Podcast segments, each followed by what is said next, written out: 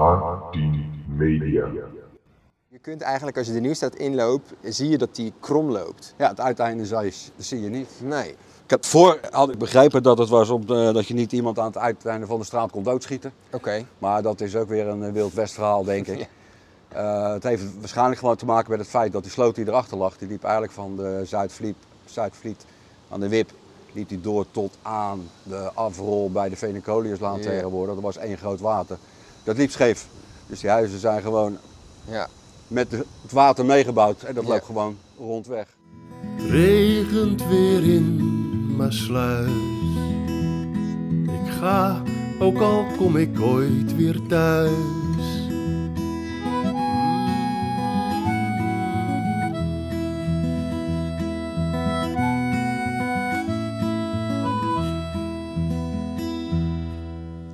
Hallo allemaal en welkom bij een nieuwe aflevering van de Maasluizen podcast.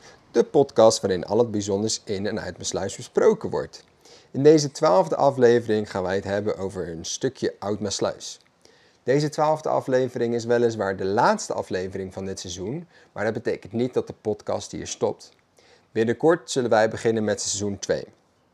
Maar in deze laatste aflevering gaan wij het hebben dus over een stukje Oud-Mersluis. Namelijk de Wagenstraat, Goudsteen, Markt en de Nieuwstraat. Hier is veel gebeurd, veel veranderd en zodoende ook veel over te vertellen. En dat gaan wij dan ook doen. Oké, laten we gaan beginnen met deze laatste aflevering in ieder geval van, deze, van dit seizoen en van deze serie. En zoals eigenlijk altijd, eh, waar zitten wij nu? Nu zitten we weer. Nou zitten we weer en we blijven ook zitten. We gaan niet lopen, we zitten bij Abraham Kuipers wat op zijn schoot. Dat is een eh, standbeeld wat hier staat bij, eh, voor de Emanuelkerk aan de Fortegracht.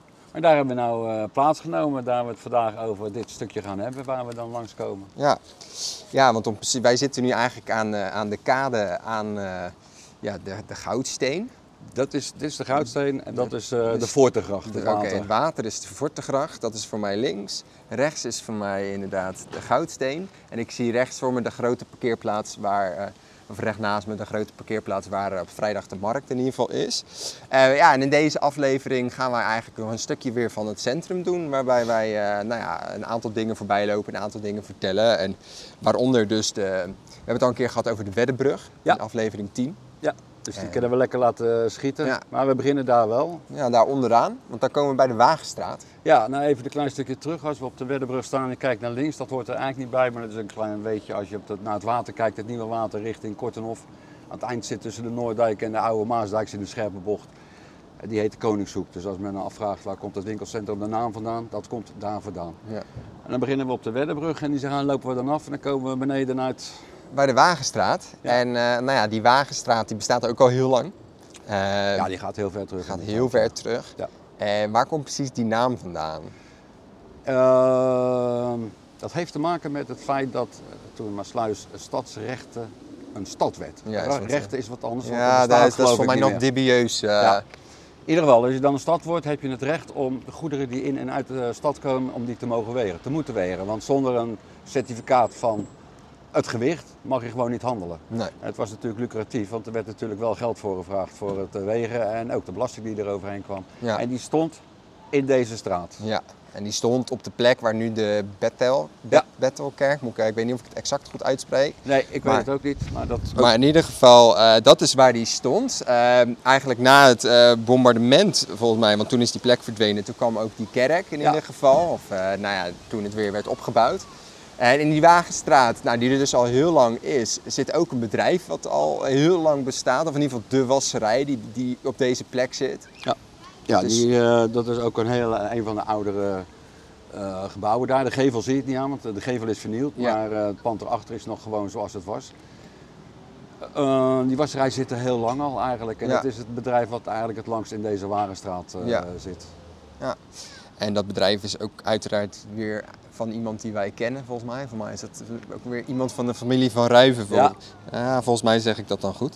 Eh, maar inderdaad, die waag, die waag die stond hier dus. Er was ook een, een, een mooie plek, ook aan de Rijksweg. Want die Rijksweg, daar hebben we het al eerder over gehad. Die liep over de Goudsteen. Een stukje Wagenstraat, nou, bij de Weddenbrug, daar in ieder geval omhoog. Ehm, En het was dus inderdaad om ervoor te zorgen dat, ja, eh, dat je ook enigszins eerlijke handel had. Dat je wist wat je kocht En dat je niet genaaid werd.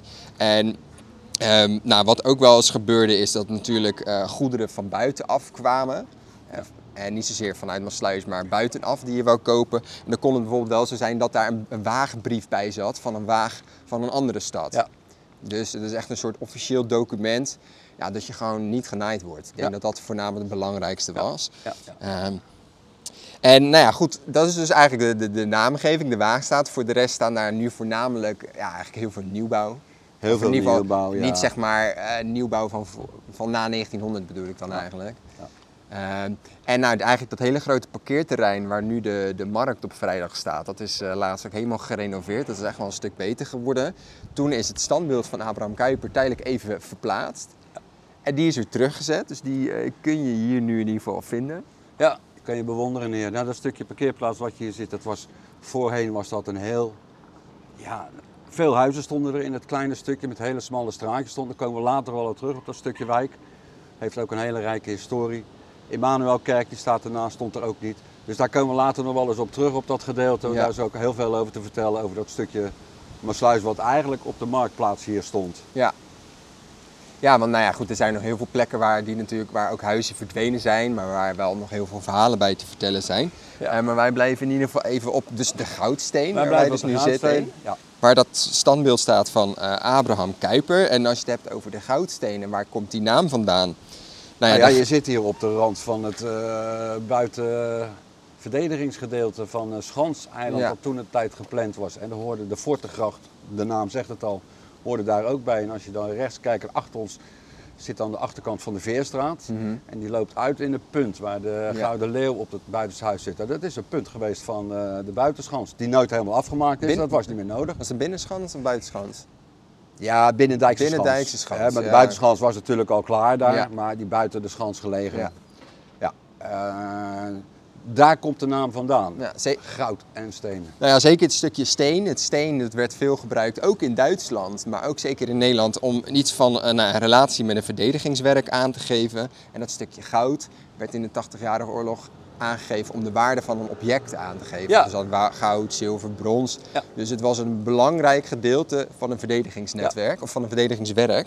Ehm, ja, en het is natuurlijk ook een onderdeel geweest, niet alleen van een verdedigingswerk, maar ook van de Rijksweg ook weer. Die heeft Ja. hij ook gelopen. Ja. Nou, eigenlijk precies waar we zitten. Die bocht zat ook hier en liep hiervoor. Want zijn rijkste, we hebben het al over gehad de Noordvliet. Dat was allemaal niet zo breed. En hier was het niks breder allemaal. En dat liep hier echt vlak langs die huizen langs. Ja. En het is, als je nou kijkt naar die Betelkerk, die staat midden in de weg. Maar dat komt eigenlijk vanwege het feit dat die evenwijdig gebouwd is aan de Fortegracht achter. Ja. Die loopt er schuin achterlangs. Dus die hebben ze later, na de oorlog, hebben ze die gewoon recht neergezet, het pand. Met het gevolg dat hij gewoon verschrikkelijk uitsteekt hier op het voetpad. Ja. ja, en die goudsteen natuurlijk, daar staan ook een aantal huizen. Eh, En dat zijn er op dit moment, hmm, zou ik een stuk of vier, vijf 4, denken. 5 uh, ligt eraan waar je begint te tellen. Maar ik denk dat er een stuk of 4, 5 Ja, zijn. Hebben er nou ooit meer gestaan? Ja, tot waar we zitten. Ja, zie je, Het dat was is- helemaal volgebouwd. Ja, zo- huizen. nou, wel waar die Koolmeijer zit. Er zit daar een eh, assurantiebureau of zo Oh, ja. het laatste pand. Dat was vroeger volgens mij de Goudsteen dwarsstraat. Of Een steeg. Ja, zie je. Ja, daar liep een, een smal steeg en verder liep die Goudsteen weer door hier met Ja. allemaal huisjes bovenop elkaar, een smalle straat. En Ja, en een, een Rooms-Katholiek bolwerk. Dat eh, heb ik begrepen dat er voornamelijk, zeg ik dat dan juist? ja, gedeeltelijk. Het Gedeeltelijk. bolwerk bij Sluis was geen bol, bolwerk van de Rooms-Katholieken. Nee, maar ik bedoel eigenlijk was- dat, de Goudsteen zelf, de straat. Ja, klopt, klopt, klopt, klopt. Die huizen die er staan, nu niet meer waarschijnlijk, die huizen staan er nog wel, maar die werden bewoond door de Rooms-Katholieken. En altijd in handen gebleven van de Rooms-Katholieken. Het was een kleine gemeenschap, dus alles wat verkocht werd, werd binnen de gemeenschap verkocht. Dus die handen zijn heel lang in de Rooms-Katholieke handen gebleven. Ja. Ze hadden met buitenstaanders niks te maken. Nee. Nou ja, waar wij het ook eh, vorige keer met de Zuidvliet over hebben gehad, met het schuurkerkje. Ja, het is eigenlijk wel bijzonder dat die religie altijd wel een soort ja, mensengroepen splijt. Vind ik altijd een beetje, Ja. eh, Ja. beetje... Ik heb niks tegen religie, maar ik vind het wel jammer dat je er ook dit soort verhalen... Dit is dan 100, 150, 200 jaar geleden. Tegenwoordig heb je andere religies die eh, elkaar eh, ook niet echt lekker zitten. Ja. Maar hier was dat dus ook niet zo heel veel anders. Maar dan tussen protestanten en Rooms-Katholieken. Ja. ja, dat ging heel ver. Mijn moeder is hier iets verder geboren en die moest dan naar school toe bij de, eh hoe heet dat, op de, op de Zuidvliet daar, bij de schuurkerk. Ja, die moesten uitkijken dat ze niet in het water gegooid werden zei door de protestanten en zo. Dat- Er zat, zat heel veel. En ze waren maar in de minderheid, dus ze moesten altijd uitkijken voor die gasten. Want. Ze konden geen kant op. En dat is nog geen 100 jaar geleden. dat is nog geen Dat is 100 nog jaar geleden. Nou goed, in ieder geval als we dus eh, die goud... En dan komen we op een bij de, de Wagenbrug. Dat is de brug eh, voor Monsieur Paul, waarbij je de, de Zuidvliet oversteekt naar Ja. de markt. Eh, nou, tot 1890 was dat een hoge voetbrug. Ja. En op een gegeven moment is er een ophaalbrug voor gemaakt. Nou, die moest natuurlijk moest een ophaalbrug worden voor de scheepvaart, uiteraard. Ja. Ehm, maar het werd denk ik ook een platte brug, zodat de wagens makkelijk de markt op konden. Klopt. Dus, eh, dat Klopt. is Daarvoor was het inderdaad een hoge brug, konden die, die veerboten lagen natuurlijk tegen de kant. Maar ook Ja. de lading, die schepen die bij de sluis losten, om aan de andere kant van de sluis weer de boot in te laden voor eh Brielen. Ja. Eh, was het een hoge brug, konden ze onderdoor varen. Hetzelfde als de volgende brug waar we dadelijk bij komen, met die Boelhouwersbrug, was ook aanvankelijk een hoge brug waar ze onderdoor konden. Ja. ja, dus die Wagenbrug ehm, kan sinds een paar jaar trouwens weer open, volgens mij. Daar hebben ze een aantal, of kon misschien altijd wel open, maar Ja, ze deden hem nooit open. open. Dat Ja. is het volgens Nee, mij. hij kon altijd al open. Ja, precies. Ja. En daar, daarvoor eigenlijk, als je aan de Monsieur Calpand staat, dan hangt er aan de brug een wapen, het wapen van Besluis. Dat Ja. is trouwens eh, het valse wapen van Besluis. Wil je exact weten waarom dat zo is, dan moet je even aflevering 5 luisteren, daar hebben we het daarover. Ja. En dan komen we uiteindelijk op de markt. Ja. Ja, de markt is eigenlijk een heel bekend stukje Maasluis. Ja, voor eh, de meeste mensen wel natuurlijk. Ja. Maar de meeste mensen weten ook niet hoe dat eruit gezien heeft. Nee. Wanneer was het 1600 of zo, dan eh, zat daar ook een gracht. Ja, Je zat de oost- en de westkant en er zat gewoon een stuk water die de Noord- en de Zuidvliet met elkaar verbond. ja. Ja, en die, die, dat, die gracht, zeg maar, die loopt eigenlijk op de plek waar nu de meeste terrassen volgens Ja. mij een beetje zitten. Ehm, en ja, je had het over de west- en de oostkant. Nou, de westkant was dan vanaf de Wip tot en met de Veerstraat. Dat heette dan ook het Westzandpad. Ja. En mochten mensen zich echt gaan verdiepen, je komt heel vaak het- de naam Zandpad tegen. Dat is eigenlijk gewoon ja, een pad van zand. Ja, meer was het niet. Meer was het dit. Nee, want dat hebben we natuurlijk ook al gehad bij de Veneconiuslaan. Ja. Dat was daar precies hetzelfde, dat is ook een zandpad Ja. geweest. En dan aan de andere kant uiteraard van het Patriciushuis, de Fair Lady die nu verbouwd wordt tot en met Dreupelkot was dan Oostzandpad. Of dat werd ook wel het Grote Zandpad genoemd. Ja. Ehm, nou, het heette Markt. Het was ook de ideale plek voor de markt, want het was aan de einde van de Vlieten. Eh, de boten met hun spullen die aankwamen konden het lossen en dat kon eigenlijk gelijk daar verhandeld worden. Ja. Ruimte zat. Ruimte zat ook Ja. natuurlijk. En toen de tijd had je nog weinig verkeer. Dus je had daar ruimte zat om die spullen te stallen. Eh, het is nog heel lang daar gebleven, die markt ook nog hoor. We hebben zelfs nog foto's gezien van de markt daar met auto's die aan beide kanten Ja. voorbij rijden en zo. En op een gegeven moment is dat afgelopen. Maar eh, dat is de markt, de vismarkt. Allerlei kaasmarkt, Ja. allerlei markten heb je daar gehad. Ja. Dat is heel lang, eh, heel lang in de tijd. Heel lang, ja, want er heeft ook iets van een, een visbank gestaan. En, een en de visbank was een plek waar dan uiteraard vis verkocht, verhandeld werd. Of Ja. volgens mij in vistermen mag je ook zeggen afmijnen. Ja. Dat is voor mij verkopen of verhandelen. Dat, die stond op de plek van waar nu het terras van Luciano ongeveer zit. Ja, dat klopt, die kant. Ja. daar, ja. En die is verdwenen uiteindelijk natuurlijk. Ja, het was allemaal niet meer nodig en dat mocht Nee. natuurlijk allemaal niet meer in het openbaar. En ja, dat is nu zoals het nu geworden is. Het is eh leuk weetje is nog wel dat er onder die, eh, onder die terrassen waar die gracht gelegen heeft, loopt nog steeds een stenen, wat is het, eh, verbinding tussen eh, Noord en de Zuidvliet. En ik denk eigenlijk dat dat gedaan is. De vroegere riolen tussen de Noordvliet en de Kuiperkaal lagen achter de huizen allemaal. En die kwamen uit gedeeltelijk op de Noordvliet, maar ook op de gracht toen de tijd. Ja, dan kun je die gracht wel dempen, maar dan kan je je riool niet te veel van voorstellen. Maar de toiletten zaten boven die sloot. Het moest afgevoerd worden op de een of andere manier. Ja. Maar er loopt nog steeds een, eh, een verbinding onderdoor. Ja. Dus mochten wij daar ooit een keer een gat gaan boren, gaan we uiteraard niet doen. Maar eh, dus, nou ja, goed, hij is dus op een gegeven moment is hij gedempt. Ja. En eh, nou, hij heeft er niet altijd uitgezien zoals hij nu eruit ziet. Maar ook aan die markt staan natuurlijk wel weer een aantal kenmerkende panden. Ja. Nou, eigenlijk als je de Wagenbrug overkomt, links het Patriciushuis. Dat is er eentje die hebben we al een paar keer benoemd, waar we ook nog een aparte aflevering in het volgende seizoen aan gaan eh Ja. wijden.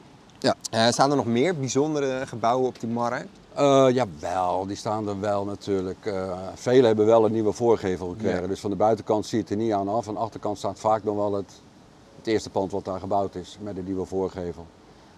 Bijzondere, ja, aan de overkant nummer 15 is waarschijnlijk nog eentje met die klokgevel. Dat nummer 15 hoef je niet lang te zoeken. Er staat Nee. ik met grote letters 15 Kapper bovenin. nummer 15, ja. Ja. Eh, mooi pand is ook waar eh Alfa nu zit. Ja, Het tweede Mooi, pand naast eh, hier vandaan. Dat is een heel mooi pand. Wat hebben we nog meer voor gelden hebben we het over gehad dan? Slagerij van Ja. Gelder op de hoek waar nu de ijssalon Ja, zit. ja, aan de overkant heb je de Waker. Dat is natuurlijk geen mooi pand. Maar het is wel een groot pand en daar zit nog wel een klein verhaal aan vast voor de oudere luisteraars onder ons. Het bedrijf De Gruiter, de supermarkt De Gru- De Gruiter heeft daar gezeten met snoepje van de week. En dat is een hele grote keten geweest met bijna ruim 400 winkels in Nederland. Maar die heeft gewoon de slag gemist eh, met de supermarktontwikkeling. Oké. Ja. Dus die is op een gegeven moment failliet gegaan. Een leuk weetje daar, we hadden het net over de Rooms-Katholieken en de protestanten. Eh, het blijkt dat de Rooms-Katholieken altijd bij de Gruiten boodschappen gingen doen en de protestanten hervormden gingen naar Albert Heijn toe, die er toen ook al was. Oké. Dus daar zat toen de tijd Ook ook, al verschil. die, ja. eh, ja, vind ik Ja. zo bijzonder. Oh, er zit nog een pand tussen. Daar heb eh, onze bekende fotograaf en bouwer gezeten van Maasluis, Leen Stichter. En welke kant zitten we dan Die zit aan de kant van het Patriciushuis, eh, waar nu eh Sperrips zit of zo. Ja, die is volgens mij weg, maar King Ja. die zat daar, ja. Dat was die Leen Stichter. En die is heel veel foto's heeft hij gemaakt in de jaren 50, 60 van Maasluis. Maar hij is ook heel bekend van het maken van maquettes van Maasluis. De Watertoren hebben we het over gehad, die is te bezichtigen. De Stadhuiskade heeft hij helemaal gemaakt. En de Grote Kerk heeft hij ook. Ja, dat zijn gigantische bouwwerken geworden. Hebben ze met z'n tweeën gedaan. Maar hij woonde daar en had dan ook een, eh, een hobbywinkel had hij daar ook zitten. En, en nog meer spullen verkocht hij dan. Maar die woonde daar. Wonen daar. Ja, en wat nogal bijzonder is te benoemen bij eigenlijk al die huizen is dat de voorgevels staan loodrecht op de markt. Maar de markt was natuurlijk een punt van het verdedigingsnetwerk. Ja. Werk, moet ik, sorry, moet ik zeggen. Maar de zijmuren die lopen weer loodrecht op de vlieten. Dus het zijn eigenlijk allemaal, ze hebben eigenlijk allemaal scheve voorgevels. Allemaal Ja. Het, eh, ze zijn staan niet scheef, ze staan, eh, maar het, de gevels zijn niet zeg maar, correct helemaal met de zijmuren. Maar dat maakt het ook wel weer karakteristiek om het zo maar te noemen. Toch? ja. Ehm, nou ja, je hebt het al eh, verteld over nou, dat op een gegeven moment eh, de markt daar ook echt was. Eh, maar ja, op een gegeven moment, zo eind 20e eeuw volgens mij, tussen 1990 en 2000, is die verdwenen vanwege veiligheidsredenen. Ja, het, het, stond vrij kleine ruimte en de markt was toen de tijd nog de markt. Dat moet je niet vergelijken met tegenwoordig, dat waar we nu in zitten staan acht of negen marktkooplieden. Maar toen stonden er, vele stonden er en bovenop elkaar. Soms liep het wel uit op de vlietjes. En ik kan me voorstellen als er ook maar iets gebeurde, je kon geen Ja. kant op daar. Dat zat eigenlijk te dicht op elkaar allemaal.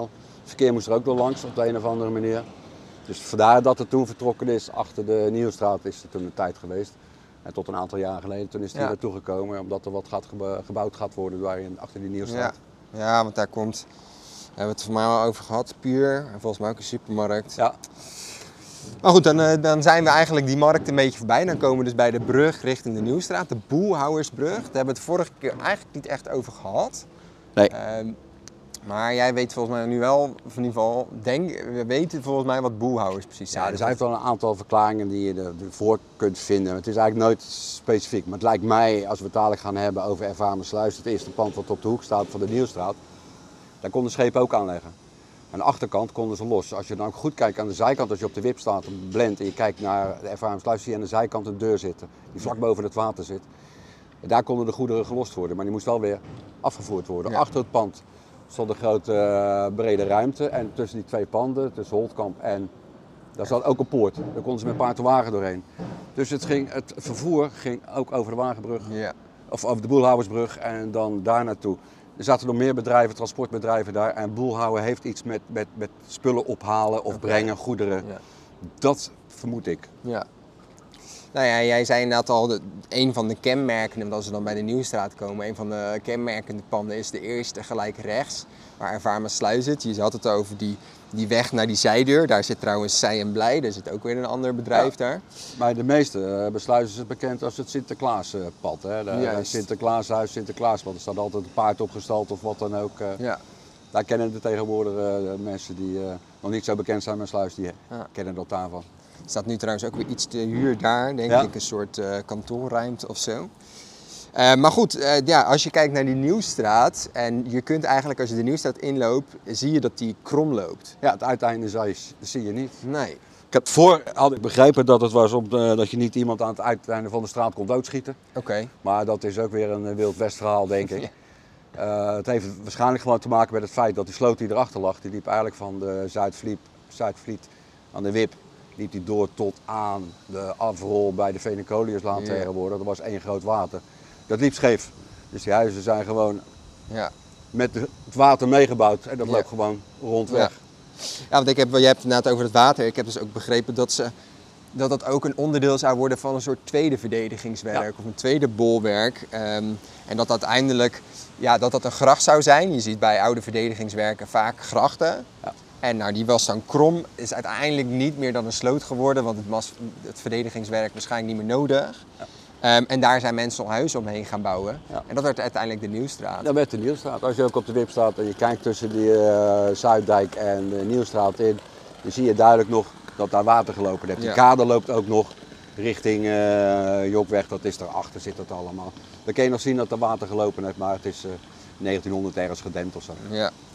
En ja, op het moment zeg maar, dat je de wat oudere kaarten erbij gaat pakken of je gaat je erin verdiepen, dan kom je ook wel eens de, de Kale straat tegen in plaats van de Nieuwstraat. Op bepaalde plekken heet die de Kale straat. Ehm, en daar zijn, zijn wij achterbij gekomen, waarschijnlijk meerdere verklaringen voor. Ja, ja de meest eh, voor de hand liggende is dat daar in die eh, jaren, wanneer was dat, 1600 of zo? 1636, dat 1637. daar de pest uitgebroken geweest Ja. is. En dat daar eh, niet veel mensen meer leefden. En dat het een kale boel was. Ja. Dat is een verklaring. Ja. We hebben nog een andere verklaring. Het is iemand die daar eh, gewoond heeft en Kalis, die naam Kalis had. familie zou kunnen. Ja, en nou heb ik vanochtend nog wat gevonden over het dorpje Hinderloper. Dat schijnt ook eh, in Nederland te leren. Die hebben ook een, een kale straat. En dat is, komt van, eh, die heet nu de Kalverstraat, zoals in Amsterdam. En daaronder zit een klein bordje Kale straat. Dus er zit wel een verbinding, eh, connectie. hè. En Kalver heeft dan weer te maken met vee, Ja. transport, slachterijen. Weet het niet hoe dat zit. Maar dat, zou, dat is nog mogelijkheid. Ja. Nou ja, kijk, ze zijn natuurlijk alle drie mogelijk, maar ik vind die eerste dan natuurlijk het mooiste verhaal. Dat klinkt een beetje raar, maar ja, als je dan ook ja, die pestepidemie heeft dan eh, in die Nieuwstraat, of een redelijk huishouden, Ja. maar de tyfusepidemie heeft ook in de, de Nieuwstraat, sowieso in Maasluis, maar ook in de Nieuwstraat redelijk huishouden. En dat kwam voornamelijk omdat daar ja, een kleine, smalle straat, waar heel veel mensen woonden, waar ze ehm, blinde riolen hadden. Dus dat waren eigenlijk ja, riolen onder het huis, maar die volgens mij dat Nergens waren gewoon uitkwamen. nergens uitkwamen. Ja. Dus zodra ze overstroomden in het huis, dan pas Ja. werden ze leeggehaald. Er waren vochtige huizen, er wonen veel mensen. Ja, en ook als je kijkt naar de epidemie, pandemie waar wij nu Ja. in zitten, dan zie je toch ook dat hygiëne belangrijk is. En dat was dat toen ook. En het was toen met die tyfusepidemie in 1865 zo heftig dat ook dokters eh, bezweken hier in Maasluis. De kermis is afgelast. Nou, wij vinden het ook balen dat bepaalde dingen door corona zijn afgelast. En toen kwam er een dokter uit Rotterdam, Herman Simons, en die heeft een eh, proefschrift ook geschreven over de tyfusepidemie in Maasluis. Werd zelf ook trouwens ziek, maar kon nog gewoon doorwerken. Nou, die gaf voornamelijk de schuld aan die stinksloten. Ehm, en de vochtigheid en veel mensen, dus dat verklaarde hij zeker in die Kalenstraat of Nieuwstraat. En zijn eh, rem- remediën, of wat hij dacht, wat werkte, was mensen verdund zwavelzuur geven, alsjeblieft, Ja. of bleekwater. Ja. Nou ja. Om dan iets van antiseptische dingen op te wekken. Nou, volgens mij eh, Werkt dat niet zo best? werkt dat niet zo best. Maar goed, eh, toen de tijd is hij daar wel op afgestudeerd. Ja. Nou ja, je ziet het vaak dat het, zulke epidemieën uitbreken rondom water, stilstaand water. En dat, het water wordt ook gebruikt toen de tijd als drinkwater. Men haalde gewoon het drinkwater uit, het, uit de sloot. Maar ja, we hadden het net over de riolen gehad die ze vroeger hadden. Of die slootjes die op die water uitkwamen. Achter ons zit dan het, het verlengde van de Fortegracht. Op de foto zie je daar gewoon het toiletten nog boven Ja, hangen. ja. Dus dat kwam hierin. Nou, je ziet hoeveel het water het stroomt. T- Totaal niet. Dus dat, dat blijft liggen en dat stroomt niet weg. Liggen en broeien. Ja, dat eh, is een, eh, een broeinest voor, eh, voor, voor die ziektes en dergelijke. Ja. En de Nieuwstraat is een goed voorbeeld, want daar liep het ook achter de Nieuwstraat. Dat water liep vlak tegen die huizen aan, waar die toiletten ook... En daar er zat totaal geen beweging in, want dat kwam in de, in, in de Zuidvliet uit. Daar stroomde helemaal natuurlijk Nee. niet. Dus eh, het is niet verwonderlijk. Nee, dus het was een, een ja, voor die epidemie een, een goede plek. Ehm, ja, als we dan even nog even overschakelen wel weer naar de panden dan even, dan hebben we er eigenlijk nog eentje die we echt specifiek willen benoemen. Ja, dat heb ik me altijd al afgevraagd. We kennen allemaal het pand wat achterin zat eh, bij Blokker. Waar Blokker heel lang gezeten. Ja. En sinds een aantal jaar is Blokker eh, is daar weg. En Lovive zit er nu. En toen vroeg ik mij al af van eh, waarom eh, gaan ze dat nou niet rigoureus verbouwen. Ja, Maar die ja. daarboven zeg maar. Ja, Ja, gevel. maar beneden dat, die hele voorgevel. Maar ik had nooit gezien dat daar eh, echt een specifiek 1920 is dat huis gebouwd. En dat heeft een specifieke voorgevel. Art Deco geloof ik, van Deco, 20 ja. jaren. Dan zie je ontzettend veel glas in lood. Ziet er inderdaad prachtig mooi uit. Als je goed kijkt, dan denk je, ja, dat moet je ook niet verwijderen.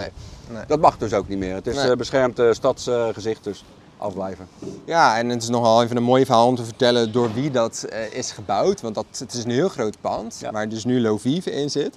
En dat is gebouwd door de coöperatie. En de coöperatie was toen de tijd een ideaal, of die, zeg maar, het was een soort ideaal uit Engeland.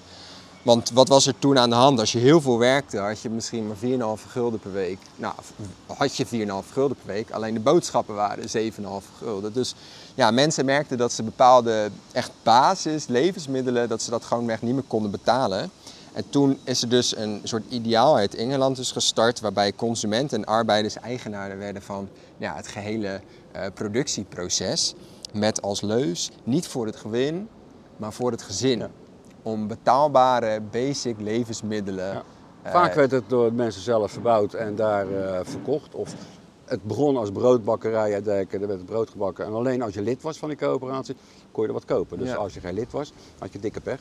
Dan eh, Nee. moest je ergens anders eh Ja. je spullen halen. Dus ja, ik denk voor, voor, dat, voor, voor dat tijdsperk ongetwijfeld een goed systeem. Eh, en volgens mij zie je nu af en toe ook nog trouwens wel eens coöperaties Jawel, daar eh, jawel. Mijn, mijn schoonvader, die, ja, die zat in dit Westland, de komt u Westland, maar dat was ook een coöperatie. Ja. Maar dan eigenlijk van tuin, tuinattributen, hè, Ja. voor, voor de tuinderijen, van, van ontsmettingsmiddelen en, en ploegen, en noem maar op. En, en Ja. was ook coöperatie. Dus ja, de tuinders waren er lid van en die konden daar hun eigen spullen aan kopen. Dus dat is een kleine voortzetting ervan. Ja, Niet zozeer te maken met levensbehoeften, eerste levensbehoeften meer. Maar het idee is eigenlijk hetzelfde. ja. ja, dus die, dat zijn de mensen, of die coöperatie heeft toen de tijd inderdaad dat Art Deco-stijl gemaakt. En dan komen we eigenlijk ook aan het eind van onze route van vandaag. Ja. Dan komen we bij eh, nou ja, het einde van de Nieuwstraat. Ja. En- Einde van de Nieuwstraat en daar is eigenlijk niet zoveel meer te zien. Er is Ja. eh rechts het pand, dat was een prachtig mooi pand wat daar stond. Maar het is helaas ook gesloopt en eh, vernield. Ja, maar gelukkig staat er nog heel veel in mijn sluis Ja. om, eh, om, om, om te bekijken en eh, te bewonderen. Ja. Ja. Ja, en ik denk oh, ik dat heb het- nog een klein, klein, klein weetje nog eigenlijk. Hè? Want er is ook een film opgenomen hier in, eh, in mijn sluis. Weet jij nog? In 19... Spetters. Goed zo, 1980. En de regisseur was Paul Verhoeven. Paul Verhoeven. En die is toen, eh, kort erop is hij vertrokken naar Amerika, omdat hij hier belemmerd werd in eh, zijn werk. En dat had ook te maken, hier had hij ook die film opgenomen, Spetters, en daar kreeg hij ontzettend veel kritiek op. Hij was anti-vrouwen, anti-gay, eh, anti-christen. Dus hij kon zijn gang niet gaan. Hij voelde zich belemmerd. En dat was ook een van de redenen waarom hij zei, nou ik vind het mooi geweest hier. Naar Amerika. Spetters is een leuke film, maar je moet er niet te veel bij nadenken. En eh, spectaculair was het voor die tijd ook al. Mensen die met de brommen van, eh, van de Vlaardingse dijk naar beneden stortten en zo. Dus op zich zat het wel aardig in elkaar. En veel speelde zich hier af op, eh, op de markt. markt. Ja. Nou, misschien kom je die nog ergens tegen als een cultklassieker. Ehm, en ja, daarmee met die kijktip eindigen wij in ieder geval deze laatste aflevering van dit seizoen. Ja.